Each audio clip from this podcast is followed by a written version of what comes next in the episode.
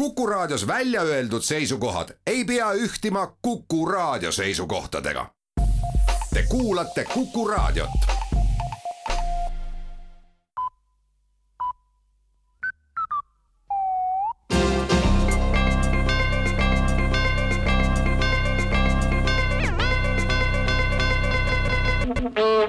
tere kuulajad, uudised eetris, stuudios Rohke Debelak. Eesti Energia annab teada, et mitmekesistab järk-järgult kõiki oma seniseid põhitegevusi ja alustab järgmisest nädalast ka kiirlaenuäriga.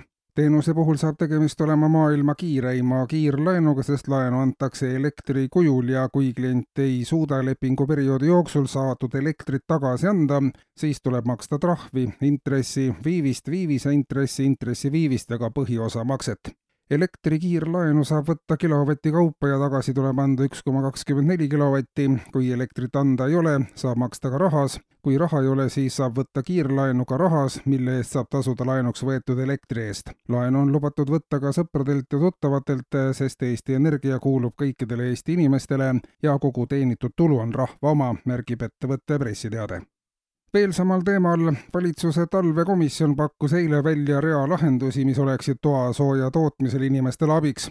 kui elekter on kallis ja küte on välja lülitatud, siis on meie kliimas ja praeguses majanduslikus olukorras kõige soodsam põrandaküte ühe ruutmeetri põranda kütteväärtus on olenevalt selle materjalist võrdne kuni poole ruumimeetri kuivade puudega. kui talv peaks taas külmemaks pöörama, siis soovitavad asjatundjad põrandaküttelt tasapisi üle minna diivani, tugitooli ja kapiküttele, kui need otsas, siis vaheseina ja laeküttele. täpsemaid soovitusi koos infovoldikutega saab kohalikust omavalitsusest veel annab valitsus teada, et uus raviteenuste rahastamise mudel näeb ette senisest enam patsientide panustamist rahalises plaanis ravijärjekorrad üha pikenevad ja samm on kavas ette võtta pikka aega jälgitud nähtuse tõttu, mille kohaselt on inimesed nõus kõikvõimalikele imearstidele ja ravitsejatele maksma suuri summasid.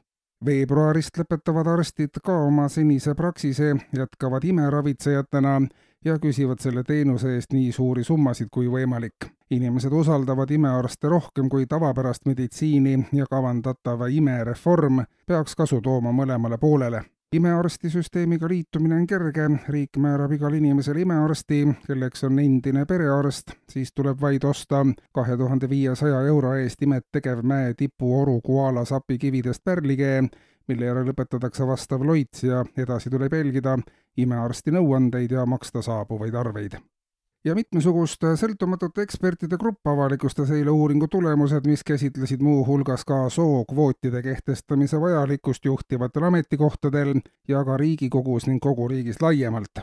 Ekspertide sõnul ei ole otsest vajadust naiste arvu kunstlikuks suurendamiseks näiteks Riigikogus, sest nii nagu teadlased on kindlaks teinud, on igas mehes veidi naist ja naises meest mistõttu on praeguse Riigikogu koosseis ka igati tasakaalus. seda peamiselt tänu sellele, et nii mõnestki naisest on Riigikogus rohkem meest olnud kui nii mõnestki mehest. selliselt arvutades on Riigikogus rohkem naisi kui Euroopas ja mujal maailmas tervikuna, ka laiemalt ühiskondlikul tasandil on palju mehisust täheldatud just naiste puhul ja soolise võrdõiguslikkuse probleem tuleb Eesti puhul ekspertide sõnul hoopiski ümber hinnata.